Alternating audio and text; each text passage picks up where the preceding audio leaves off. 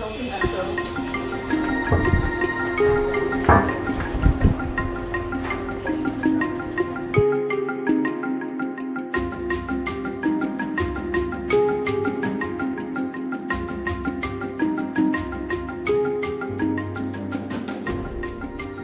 are standing here at the Quantop laboratories at the Niels Bohr Institute, University of Copenhagen, and we're very excited with the latest news of a big grant from the Novo Nordisk Foundation uh, given to us for the development of quantum biomedical sensing.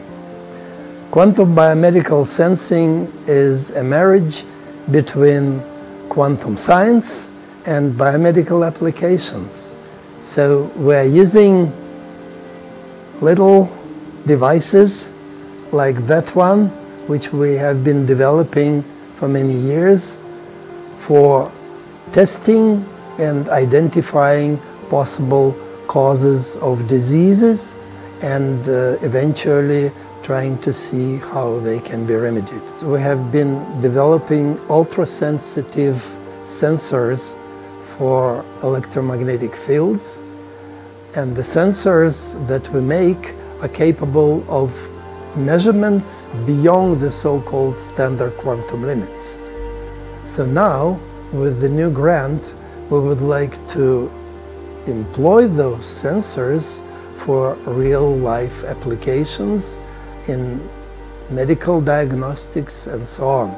We are doing that in close collaboration with uh, Panum, the medical faculty of Copenhagen University, and also with the Hvidovre Hospital team, as well as with our collaborators at the Danish Technical University and the University of Texas in Austin in the United States.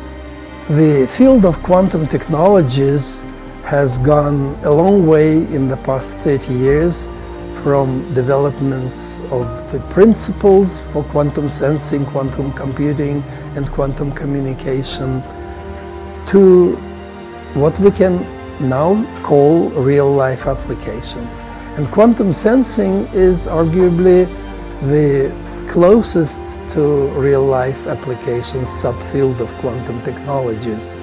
Therefore, we're very excited to be able to use the quantum principles of measurement control towards detection of the disease and prevention of it.